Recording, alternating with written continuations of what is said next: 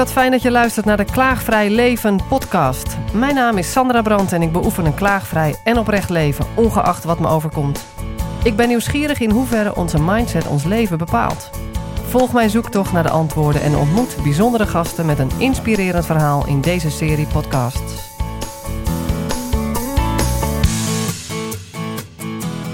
Mijn naam is Judith Dekkers-Kokken en ehm, ik heb, voel me vereerd om hier te mogen zijn en ehm, met Sandra in gesprek te gaan over eh, onze toekomst. En eh, voor mij zijn kinderen onze toekomst. Ehm, en daar is wel iets nodig. Ehm, dus ik hoop dat we daarover een, een gesprek, in, over in gesprek kunnen gaan. en in mijn rol als kinderarts, gespecialiseerd in maag, darm en leverproblemen, uh, zie ik iedere dag ontzettend veel kinderen met buikproblemen en kinderen die op een andere manier niet lekker in hun vel zitten. Um, en uh, het ziekenhuis Kinderbuik en Co. is opgericht om kinderen weer um, te leren hoe ze om kunnen gaan met dat wat er is. Dus hoe ze kunnen leren te zijn wie ze zijn. Um, en niet zozeer te vechten tegen alles wat om ons heen gebeurt. En of dat nou ziekte is, of dat dat nou oeverloos internet is. Um, het lijkt alsof we in deze tijd uh, allemaal heel erg gericht zijn op de buitenwereld. Um, en, uh, uh, en ik gun kinderen dat ze ook verbinding maken met hun binnenwereld. Wauw, Judith, wat fijn dat je er bent. Ik ben dankbaar dat je hier naartoe bent gekomen. Ik hoor daar een ontzettende visie achter. Een kinderarts, nou, die is sowieso betrokken met kinderen, logisch. Maar je pakt hem heel holistisch aan. Dus zodra kinderen buikklachten hebben, laten we het zeggen buikpijn, vaak, dan pak jij hem veel meer door naar hoe ga je om in je leven met nou ja, ongemak. En hoe, hoe maak je daar weer een levend deel van wat bij jezelf hoort. Het is, het is veel meer dan alleen je buikpijn zien te behandelen eigenlijk. Ja, zeker, juist. Um, en juist dus dat stuk waarvan ik eigenlijk mijn hele leven al het gevoel heb dat het ontbreekt. Wat is dat? In de gezondheidszorg. Um, eigenlijk vanaf het begin dat ik ben gaan studeren. Hè, als heel jong kind wist ik dat ik kinderarts wilde worden. Ja. Dus ik was blijkbaar vier en toen riep ik dat al en maakte daar tekeningen over. Wauw. Maar een, een, ziekenhuis in het bos, dat is wat ik steeds tekende. Um, en, um, en ook toen ik ging studeren, ik ben geïntrigeerd door mensen. Um, en dus ook in, in, in een lichaam. Want dat is waar, hè, waarmee wij kunnen verbinden, waarmee wij nu een gesprek kunnen voeren. Dus je lichaam is eigenlijk een heel waardevol onderdeel van wie we zijn. Maar, maar we zijn het niet. We zijn niet ons lichaam. We hebben een lichaam. Hmm. En, um, en ik merkte als arts, als specialist, dat ziekte heel vaak gaat over vechten tegen het lichaam. Dus op het moment dat er ziekte is, dan lijkt het wel alsof die ziekte van buiten naar binnen het lichaam ingekomen is. En dan is dat per definitie de vijand. En dan wordt tegen gevochten moet worden. Totdat het weg is. Ja, maar jij ziet dat niet zo? Hoe zie jij het? Nou ja, soms is dat nodig. Uh, hè, dus, dus wat wij bij kinderbuik en co doen is wel degelijk normale medische hè, onderzoeken en behandeling. Alleen op het moment dat je een, een evenwicht hebt gecreëerd voor een kind, voor een gezin, dan is het mogelijk om te gaan kijken: oké, maar hoe zijn dingen ontstaan? Hoe ga je om met wat er is? In plaats van een pleister ergens overheen plakken en denken dat je probleem is opgelost.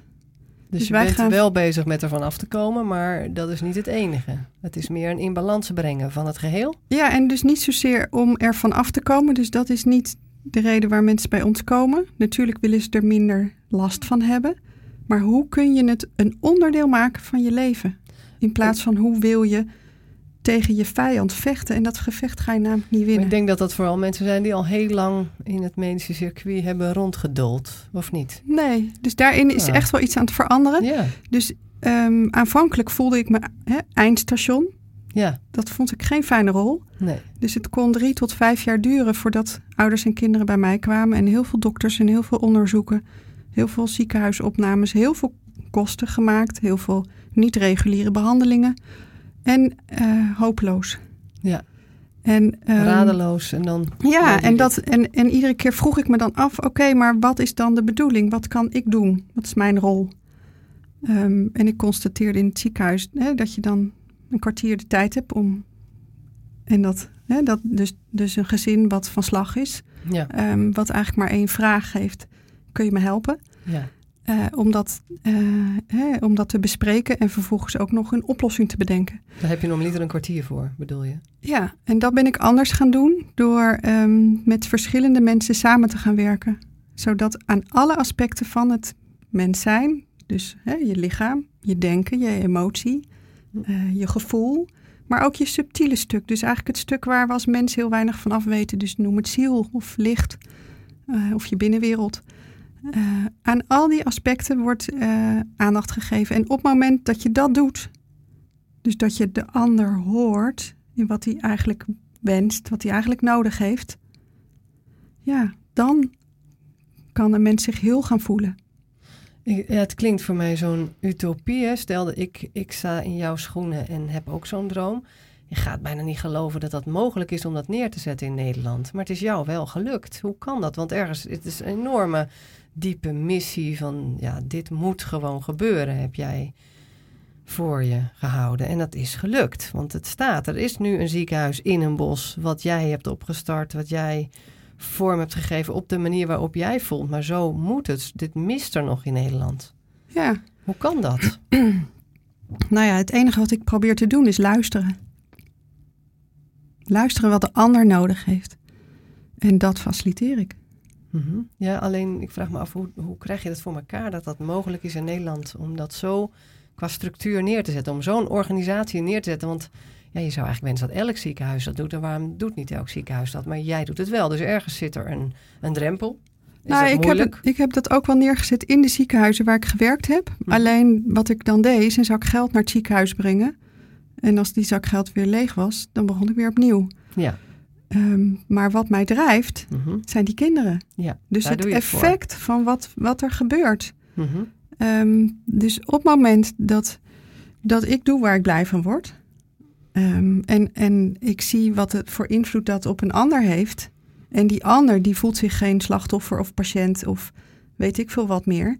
Maar die voelt zich gewoon zichzelf. En gaat ook weer gewoon zijn leven doen. Hè, of zijn leven leiden en zijn leven vieren. Ja, dan ben ik happy.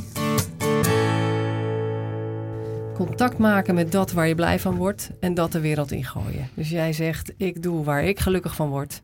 En daarmee help ik ook die kinderen die kwamen met een kwaal... om ook weer te kijken naar zichzelf als totaalbeeld... en weer te doen waar ze blij van worden. En Ja. daar contact mee te maken. Ja, dus is wel een ik- thema wat vaker terugkomt in mijn interviews... en wat ik zo waardeer... is dat contact maken met dat waar je happy van wordt. Ik heb daar nog een beetje, een klein beetje een blokkade op, wat ook een beetje de- in onze cultuur misschien wel zit. Hè? Eh, eh, je moet serieus aan je werk zitten, serieus is in je hoofd, niet meer in contact met je hart. Het zijpelt zo door onze media eigenlijk en hoe we werken vaak, dat dat de standaard is. Maar er worden zoveel mensen ziek van. Als we daar voortdurend maar op ons wat er hoort en wij denken wat hoort is in ons hoofd te zitten en ehm, afspraak is afspraak, eh, op die manier te werken, eh, agenda's raad, te raadplegen in plaats van ons gevoel of het klopt om zo'n afspraak te maken. Nou, het zit hem in hele kleine dingen, maar die zijn zo essentieel. En ik vind het zo heerlijk om mensen aan de microfoon te krijgen zoals jij, Judith, die contact maken al vanaf dat je vier was met wat wil ik, wat klopt er voor mij en dat de wereld inbrengen en dan weer zien dat het werkt. En ook daar heel eigenlijk bijna gemakkelijk eh, ook financieel en de middelen te kunnen creëren. Vertel eens, hoe is dat voor jou? Eh, nou, ehm, ja, natuurlijk. Dus op het moment dat je doet wat de bedoeling is, dan gaat het stromen. En op het moment dat je doet wat je denkt dat de ander verwacht, dan ga je gedoe krijgen. Sowieso gaan we allemaal als mens gedoe krijgen. dus dat is normaal. Alleen, dus dat is, dat is niet ook een intentie van mij om dat te voorkomen. Weet je, er gebeurt wat er gebeurt. Alleen ik kan wel kiezen hoe ik omga met dat wat er is. En op het moment dat ik dat leef, kan ik dat voordoen aan een ander. Dus dat is eigenlijk het verschil. Ja, en je merkt dat het werkt, want anders zou je het niet willen voordoen aan een ander. Dus jij leeft ja. je innerlijke stem bijna. Ja, dus voor mij is het heel gewoon en heel natuurlijk. En het Dus- voelt goed, dus er is geen enkele reden om het anders te doen wat jou betreft. Dit is Ehm, gewoon de weg die ja. iedereen zou willen laten zien. Dit is de weg. Zeker, alleen er is niks mis met de gezondheidszorg. Dus Kinderbuik en Co. is niet een, ehm, een beweging tegen de gezondheidszorg. Nee, Kinderbuik en Co. is de nieuwe vorm van gezondheidszorg. Dus dit is wat we allemaal willen. Ja, We willen ons als mens maar eigenlijk twee dingen. En dat is ons geliefd voelen Ja. en gelukkig zijn. Ja. Ehm, en als je naar de samenleving kijkt, hè, naar die schijnbaar maakbare samenleving, ehm, waar heel veel vanuit buiten, vanuit de buitenwereld naar ons toe komt en ons lijkt te beïnvloeden, ons ook hè, daadwerkelijk beïnvloedt, hoe vind je dan daarin de balans met wie je bent? Of ga je inderdaad, hè, wat je net schetste, ga je worden wie iemand anders van je verwacht dat je dan wordt? wel wat je zelf denkt Of- dat de ander van je Of dat je. Maar wat, wat, wat heeft het jou opgeleverd, of wat levert het jou nog steeds op dagelijks om jouw hart te volgen, om jouw innerlijke stem te volgen? Wat levert het jou op? Eh, het levert mij een heel tevreden gevoel op. Dus ik ben een tevreden mens. En heb in wezen niks nodig. Ja, dat is het, het belangrijkste. Ehm, en ik zie met dat wat wij neerzetten, dus met die nieuwe vorm van gezondheidszorg, ja, wat een impact dat heeft ehm, op, een, op onze toekomst. Dus, dus dat is echt wel wat mij drijft om door te gaan met wat ik aan het doen ben. Ja. Dat ik zie dat er ieder jaar meer chronische aandoeningen komen. Er zijn 800.000 kinderen in Nederland met een chronische aandoening. Dat is 1 op de 5. Dat is echt heel veel. Dus dat is. En is dat meer dan vroeger? Of, Ja. is, of wordt het beter gemeten waardoor je ze nu ziet? Nee, nee, nee. dat? Dus dat neemt toe. Dus ik zie ieder jaar ook meer kinderen met een eh, nieuwe chronische aandoening. Er zijn 600.000 kinderen met overgewicht. Dat is 15 procent. Eh, er zijn ehm 72.000 jongeren onder de 25 jaar die arbeidsongeschikt zijn, veroorzaakt door stress en door depressie en angstklachten. Sorry. Mhm. En er zijn ehm 15.000 kinderen in Nederland die antidepressiva gebruiken. Ja, dat heb ik laatst gelezen. Ik schrok me rot. Dus er is, ehm, er is echt wel iets gaande in de samenleving. ehm, en daar kan je als gezondheidszorg alleen maar op reageren. Dus achteraan lopen. Of je kan het omdraaien. Ehm, en, en het raakt mij werkelijk om te zien eh, wat er gebeurt met een kind, met een gezin die langdurig klachten heeft Ja. en geen onderdeel meer is van de samenleving. Dus hoe erg is het om niet meer naar school te gaan, om geen contact meer te hebben met je leeftijdsgenoten, eigenlijk niet meer mee te doen in deze samenleving waarin alles mogelijk is of lijkt. Ja. Nou, daar eh, wil ik een bijdrage aan leveren om dat te veranderen, Ja. zodat die kinderen zelf leren wie ze zijn, waar ze blij van worden, waar ze goed in zijn en hoe ze voor zichzelf kunnen zorgen. Het is toch heerlijk dat je gewoon een, een, een dokter hebt die met jou gaat kijken waar je talenten zitten. Ja, Ik Nou gun, ja. het, ik gun het ieder kind. ik gun niet ieder kind die nare ziektes, maar als je het dan hebt, eh, een dokter als jij. Hey, je hebt ook een boek geschreven. Dat ontzettend lief van je dat je er eentje aan mij eh, als cadeau hebt gegeven. Happy Tummy, ik heb de Engelse versie. Wanneer is die tot stand gekomen? Wie heeft die uitgebracht? Recentelijk? Nee, die is eigenlijk op het moment dat ik mijn baan heb opgezegd. Ja, toen is er zoveel als het ware vanzelf gebeurd. Dat ik op een gegeven moment ook wel dacht van wauw, ehm, oké, nou dat doe ik dan ook maar. Ik kreeg wel al jarenlang ehm, de vraag van ouders, maar ook van collega's en ook van mensen die in mijn omgeving. eh, van goh, wat jij zegt, kan je dat niet eens opschrijven? Ehm, maar eh, ik heb op zich geen enkele ambitie om boeken te schrijven. Ehm, alleen toen ik besloot om, oké, nou ga ik ervoor. Ik ga dat ziekenhuis neerzetten en wat ik dan gezondheidshuis noem. Hè, omdat de uitgangspunt gezondheid is en niet zozeer ziekte. Oké, ik ga dat doen. Ik ga die klus klaren en ik ga kijken of dat haalbaar is. En in dat proces van kijken of dat kan, want ik hè, doe allemaal dingen die ik ook nog nooit heb gedaan Geweldig. eh, in de afgelopen drie jaar. Ben ik begonnen met dat boek schrijven. En nou, dat was er eigenlijk eh, binnen no time. En, en dat Ik boek... hoor, ik hoor tussendoor dat het eigenlijk heel erg als vanzelf loopt. Dus een soort van vloeiende beweging sinds jij ontslag hebt genomen drie jaar geleden. ja, 2013. Ben dus- jij gaan kijken ja. van eh, hoe krijg ik zelf zo'n ziekenhuis, gezondheidshuis voor elkaar in de bossen op mijn manier? En, en zijn er eigenlijk allerlei dingen vanzelf gebeurd, zeg je? Omdat je... Ja, omdat ik open ben en aanwezig. Ik denk dat dat de twee dingen zijn die me helpen om dingen te laten ontstaan. Ehm, bovendien heb ik en voel ik een heel sterk vertrouwen in, in het waarom, waarom ik dit doe en wat, wat daar de betekenis van is. Ja. Ehm, en ben ik wel, heb ik wel veel moed om dus niet één stap, maar honderd stappen uit mijn comfortzone te stappen. Dus vertrouwen, moed, Geduld, geduld heel veel geduld. Ehm, en mogelijkheden zien. En altijd kijken wat zou er kunnen. Dus, want je zou anders simpel worden van al die zogenaamde bergen die voor je neus komen hangen. Ja. Maar op het moment dat je denkt, oké, nee, daar zit, daar, dat is niet de bedoeling. Nou, ik vroeg me al af, hoe krijg je dat voor elkaar? Dat je dan niet een kwartier hebt voor je intake, maar dat je daar meteen multidisciplinair een hele groep bij kan krijgen die tot en met zielsniveau gaat kijken in een gezinssituatie en het kind. Ik denk al aan de beer op de weg, wat er niet mogelijk is, namelijk verzekeringstechnisch geld. Hoe krijg je het voor elkaar? Dat lukt toch niet? Maar jij Ehm, denkt dat blijkbaar niet. Nee, en dat is, ge- dat is gebaseerd op de ervaring die ik al heb in, hè, in de afgelopen 25 jaar. Dus ik heb niet iets bedacht. Dus het is niet bedacht in mijn hoofd. Ik voer het uit. Eigenlijk al heel lang. Ehm, en ik zie wat het effect daarvan is. Ja. Dus ik kan toch niks anders dan dat gewoon regelen voor onze kinderen, voor onze toekomst.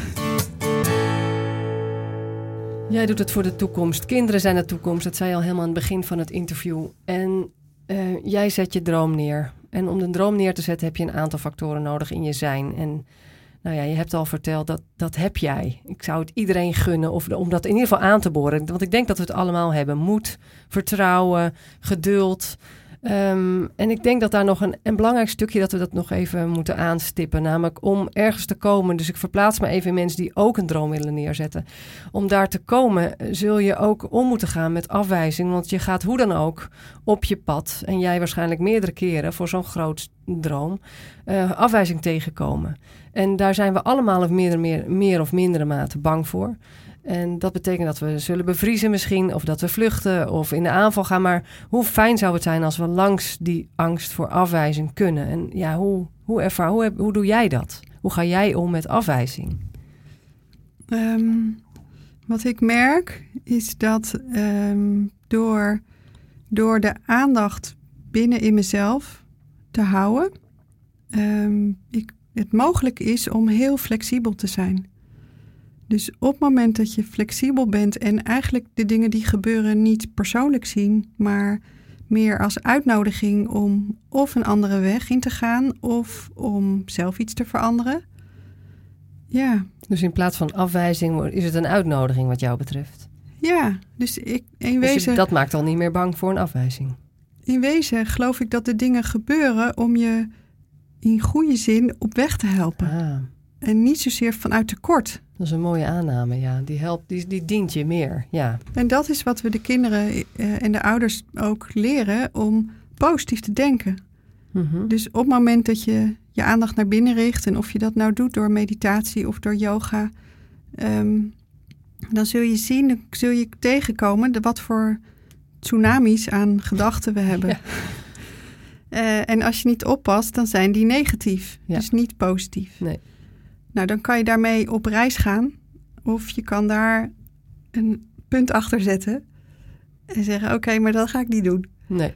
Dus je kan zelf Ehm, weer kiezen welke gedachte je neemt, zullen we maar zeggen. Ja, en op het moment dat je dat doorkrijgt, van maar wie, waar gaat dit nou eigenlijk over? En wie ben ik Mhm. nou eigenlijk? En wat kan ik doen? Ja. Ja, dan kom je in, in je binnenwereld. Dan kom je eigenlijk in het stuk waar alles al is. Dus dat is wat we, dat is het verschil met dit ziekenhuis en een ander ziekenhuis. En het, ik vind het fantastisch om te zien dat we nu we zijn nu twee jaar open. We hebben nu ruim 500 kinderen, dus ook gezinnen, met succes weer uitgezwaaid. Uh, en het, ja, het is fantastisch om te zien dat kinderen die helemaal uh, zich ziek, zwak, beroerd en vervelend en niet lekker in een vel voelden, dat die weten nu, hè, hoe jong ze ook zijn. Uh, en dan denk ik trouwens dat de pubers en de jong, hè, die vroegvolwassenen, dat dat de moeilijkste groep is, omdat dan in je leven eigenlijk je identiteit zo belangrijk wordt. Mm -hmm. Dus dat je in die fase als vanzelf gaat vergelijken, um, je best gaat doen, ergens bij wil horen. Um, en als je er dan niet bij hoort, omdat je niet mee kunt doen lichamelijk, dan, ja, dan wordt die frustratie extra groot. Um, ja. Dus hoe cool is het om te zien dat, ja. dat al die kinderen weer gewoon hun ding kunnen doen. En je gaat daar helemaal van stralen. Het is echt jouw ding, hè? Ja, ja. vind ik gaaf om te zien. Geweldig. En hoe voelt het nou? Je dat, heb, je, heb je het gevoel dat je iets bereikt hebt? Of vier jij dit? Zie je het als een succes? Ja, iedere dag. Ja? Ja. Ja, als ik daarheen rij, dan denk ik, ja, wauw. Dankjewel dat ik hier mag werken. Ja. Um, en of ik nou een uitdaging voor de boeg krijg. Ja, is geen uh, afwijzing. Ik, ik, weet eigenlijk niet wat er gebeurt. Maar um, en het mooie is dat we nu in de loop van de twee jaar een, een team hebben samengesteld met wie we hè, die kinderen en die ouders zien en begeleiden en behandelen. Dat is, dat is de kracht van wat we doen. Dus we zijn gelijkwaardig. Er is geen hiërarchie.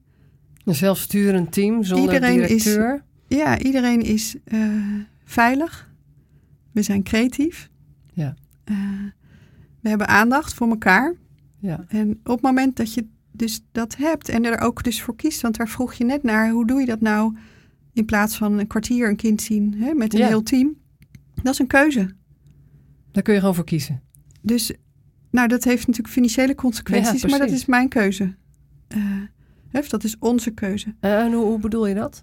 Nou, dus, dus wij kiezen ervoor om uh, het eerste bezoek, om daar een uur voor uit te trekken. Ja.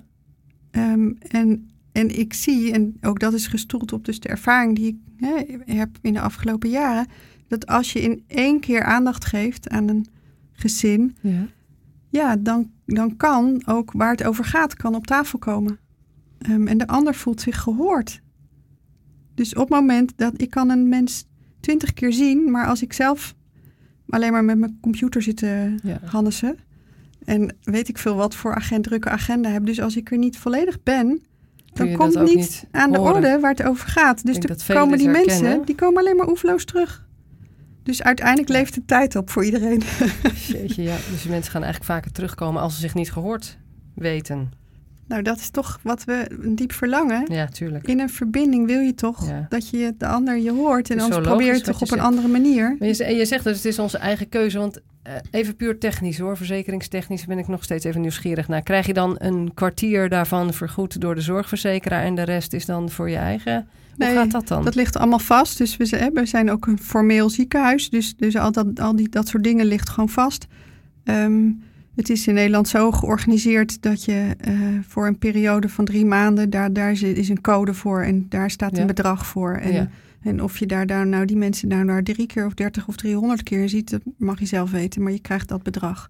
Oké, okay, dus het is um, dan en, toch echt aan de, aan de zorgverlener zelf om te kiezen om daar een uur voor uit te trekken. En waarom kiest de rest dan voor een kwartier? Um, nou, dat, dat, dat weet ik niet goed. Um, het, het, heeft natuurlijk ook te maken met de druk dus in een algemeen ziekenhuis is de druk veel groter.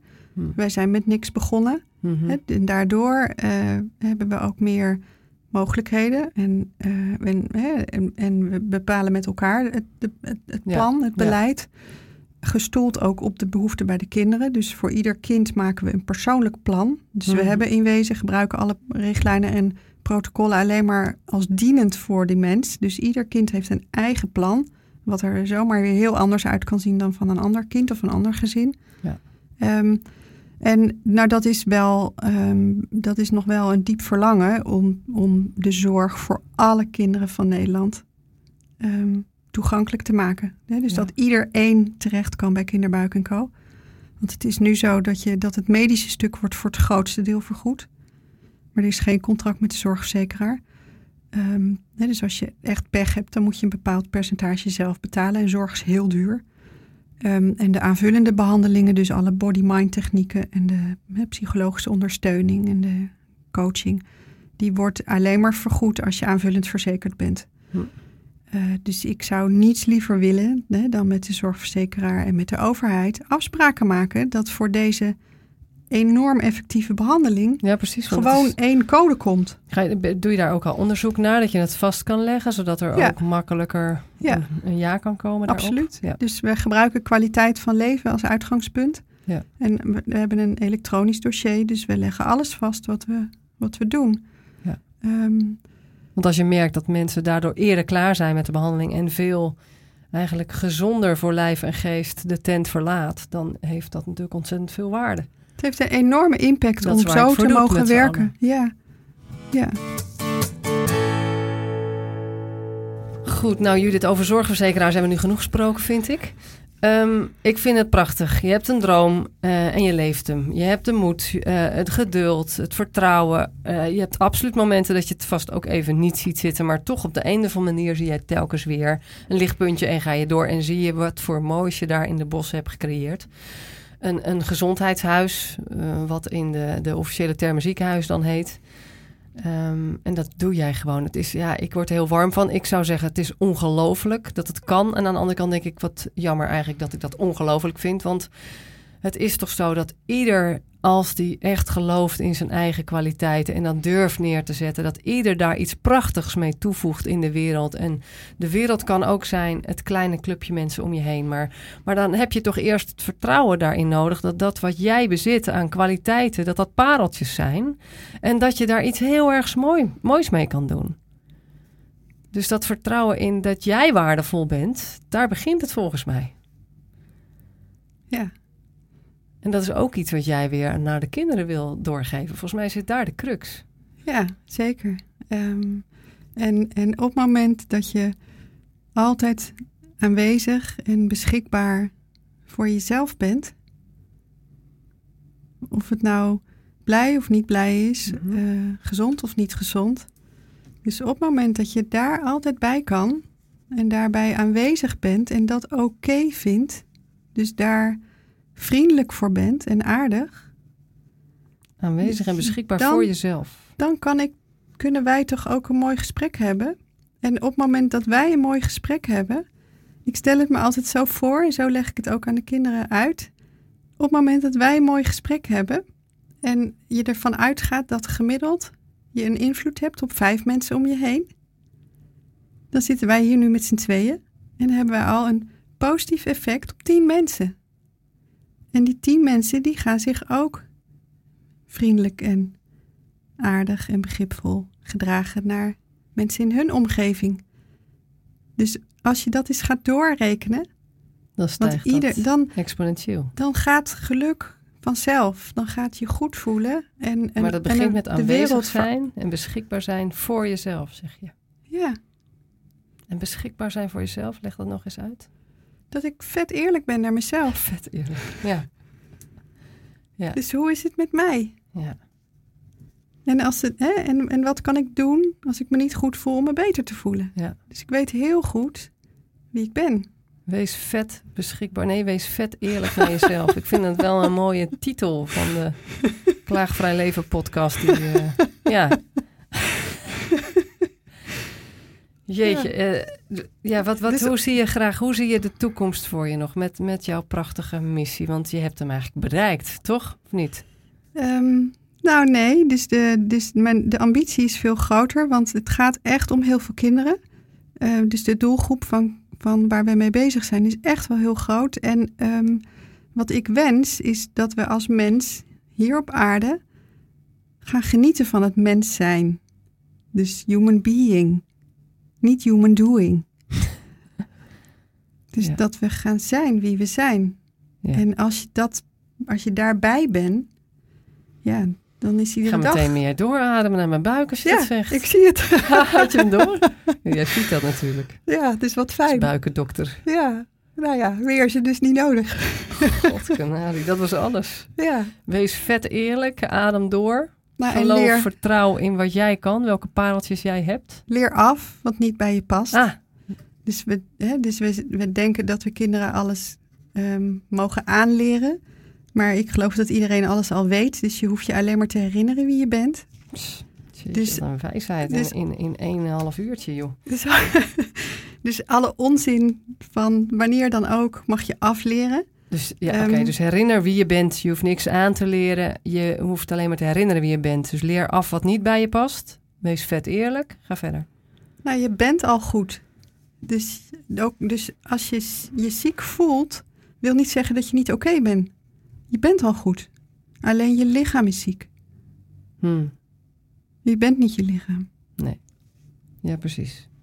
Dat dus, scheelt al, hè, in het gevecht. Ja, dan hoef je niet te vechten. Nee. Hoef je alleen maar te kijken hoe je het leuker kan maken. Wauw. Je hoeft niet te vechten. Dat is, dat is ook in, in jouw hele levensverhaal komt dat terug. Dus afwijzing zie jij niet als afwijzing, zie je als uitnodiging. Want zodra je het ziet als afwijzing, wil je in, de, in het gevecht of wegrennen. Nou, ik dus zeg dat niet... gevecht, dat, is, dat, wordt, dat ga jij omdenken. Nou ja, dat is, dat, ik zeg niet dat ik perfect ben. Integendeel. Nou, ik vind het uh, aardig uh, tegenaan schuren, maar... Nee, nee, nee, dat, is, oh. dat is absoluut een illusie. Um, oh. Dus ik ben zeker niet perfect. Alleen dat mag jij en al jouw luisteraars weten ook. Dus dat is normaal. Dus toegeven aan jezelf en aan een ander dat je regelmatig of af en toe, hoe je het ook wil noemen, de mist in gaat. En iets doet wat eigenlijk hoort bij iets ouds. Hmm. Dus niet wat je werkelijk bent. Hmm. Volgens mij hoef je, je dat alleen maar aan je kinderen voor te doen. Dat je niet perfect bent en dat dat oké is. En dat je dus valt en opstaat en valt en opstaat. Nee, dat vind ik perfect. Als je dat vallen en opstaan kunt laten zien, helemaal in wie je bent. Dat vind ik perfect. En dat je, hè, dat is wat ik dus- jouw luisteraars en iedereen gun, dat je weet wat er nodig is om voor jezelf te zorgen.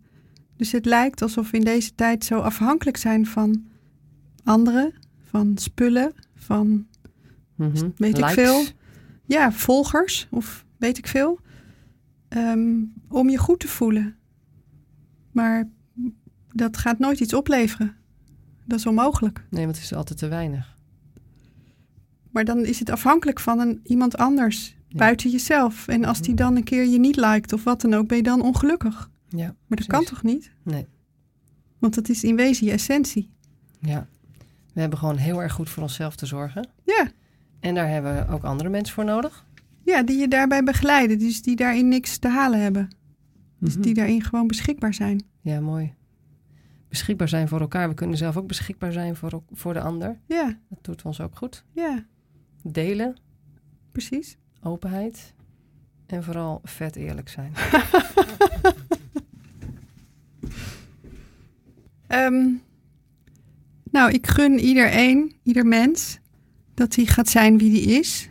Um, en dat hij gaat doen wat hij komt doen. Uh, dus het leuke is dat we allemaal verschillend zijn. En dat door dat verschillend zijn, we heel veel van elkaar kunnen leren en, en elkaar daarin bovendien kunnen versterken. Dus op het moment dat jij doet wat je hier komt doen, en ik doe dat ook, dan wordt 1 en 1 is 3. Hmm. En dan ga je veel minder um, passen in, in alle hokjes die we met elkaar hebben gecreëerd. En dan ga je je vrij voelen. Ja, je gaat vanzelf ook andere mensen aantrekken, andere keuzes maken volgens mij. Dus ik kan me herinneren toen ik zwanger was van het derde, dat ik echt ging voelen, wat wil ik nou? Hoe wil ik mijn zwangerschap eigenlijk beleven? Hoe zou ik willen bevallen? Helemaal los van wat er standaard is in Nederland. Ja, wauw. En dat heeft mij zoveel opgeleverd dat ik over dat yogi het beste voel wat betreft de bevalling en de hele periode ervoor en daarna. Um, en ik me ook niet depri of down heb gevoeld daarna. En ik denk echt dat dat komt omdat ik veel trouwer ben gebleven. Nou, ik kan bijna zeggen 100% aan wat mijn moederhart mij toeriep. Wat er nodig was, wat ik vond dat nodig was. Ik denk dat we daar veel gezonder en veel beter aan doen als we dat vaker doen. Ik moet zeggen, in het dagelijks leven vind ik dat moeilijker. Maar ik noem dat even niet het dagelijks leven, omdat het zo'n speciaal event is. Zo'n zwangerschap, bevalling en een korte periode daarna. Nou maar het, zou, het zou mooi zijn als ik dat ook wat vaker in het dagelijks leven kan toepassen. Ja, dus gebruik dat, die mooie ervaring als uitgangspunt. Om, stel dat je nu vandaag mag bedenken hoe de wereld eruit ziet. En je gaat het creëren vanuit het, uit, het eindpunt. Dus in de hmm. meest ideale situatie, hoe ziet het er dan uit? Ik denk dan dat ik dan al meteen weer andere dingen ga doen. Dan ga ik opeens weer mensen bellen waar ik gewoon zin in heb om die eens even te bellen. Terwijl ik vanmorgen nog dacht, nou, die zal wel geen tijd hebben of die is druk aan het werken. Nou ja, goede kans dat je dat na vandaag wel gaat doen. Want dat is, dat is je droomleven. Dus je hebt niks te verliezen. En je bent hier alleen maar om gelukkig te zijn. God, dat is een heerlijke aanname, zeg. Die zou ik graag willen geloven. Ik doe hem nog niet helemaal, maar eh, je kan er wel gewoon voor kiezen om dat te geloven. En dan ga je al heel andere dingen doen. Het gaat veel over aannames volgens mij. Hè? Wat we doen in ons hoofd, dat maakt onze eigen wereld voor een heel groot deel. Ja, nou ja, stel jezelf, jezelf de vraag, wie vindt dit? Wie zegt dit? Ja. En als je iets vindt, is het meestal je egosysteem. Ja, ja, ja, precies. Judith, heb je nog iets om nou ja, tips voor thuis mee te geven? Want we hebben het nu over dromen gehad, hoe je die uh, meer, hoe je daar dichterbij kan komen. Uh, maar er is ook nog een stukje misschien mensen thuis met een ziek kind of met een buikklachten of die zelf met buikklachten lopen. Waar gezinnen misschien niet volledig ontwricht van raken, maar die daar wel mee stoeien. Nou, iedereen is welkom hè, bij, uh, bij het ziekenhuis. Dus daar, daar wil ik iedereen voor uitnodigen. En we kijken heel graag mee wat er nodig is en wat je en wat het probleem is en hoe je ermee om kunt gaan met wat je werkelijk nodig hebt. En heb je daar al tips voor, voor op dit moment, juist vandaag? Nou ja, ga eten wat bij je past. daar begint het al. Ja, doe, uh, doe minder in plaats van meer. Uh, heb plezier. Zorg dat je dingen doet waar je je goed bij voelt, waar je over kan lachen. Uh, ja, dus ik geloof dat in de kracht van humor, die is zo indrukwekkend groot. Um, gebruik muziek en dans en creatieve dingen. Uh, beweeg iedere dag. Ga naar buiten als het kan. Dus eigenlijk uh, gebruik je lijf zoals het bedoeld was? Ja, geef het voldoende rust. Dus als je je moe voelt, ga dan zitten of liggen of niks doen. Ja, niks doen. Dat is uh, wel een goede tip ook, als je het nodig hebt. Heb jij nog een, ja, een wens richting luisteraars? Nou je er toch bent. Um, ja, nou, voor deze visie, voor deze manier van leven, uh, zijn natuurlijk ambassadeurs nodig. Uh, dus daar wil ik jullie, uh, jouw luisteraars, voor oproepen om ja, bij jezelf te voelen van wauw, raakt dit iets en wat, wat zou ik hierin kunnen betekenen? En, uh, Bedoel je dat je vriend kan worden van Kinderbuik en Co? Ja. Ambassadeur van jullie visie? Ja. Dat je het steunt en wil dat dit groter groeit en dat er meer kinderen kunnen worden en gezinnen kunnen worden geholpen? En met name, dus er is een stichting Vrienden van opgericht. Ah. Um, uh, om geld te verzamelen, zodat het echt voor ieder kind mogelijk is om deze Ja. behandeling te krijgen. Ja. Uh, ja, dus daar wil ik natuurlijk een En oproep waar voor doen. kunnen mensen heen als ze dat willen? Als ze daar in ieder geval eens even willen rondneuzen. Heb je daar een website? Ja, via onze website, dan uh, word je En- daarheen geleid. En waar, hoe, hoe heet jullie website? www.kinderbuikenco.nl En dan toch nog even terug naar de kinderen. Ehm, ik heb zelf een dochter die regelmatig buikklachten heeft. Ehm, en ik zou graag willen dat dat over is. Maar misschien moeten we er ook niet langer tegen vechten. Heb jij nog, daar nog andere ja, ideeën over? Of tips? Nou ja, Als je een kind hebt met buikklachten of... zeker wat je zegt. Ehm, als je op het moment dat je accepteert dat er buikpijn is, dan is het al een stuk minder erg. Ja. Ehm, want het leuke aan kinderen is, eh, een kind is mijn grootste bron van inspiratie.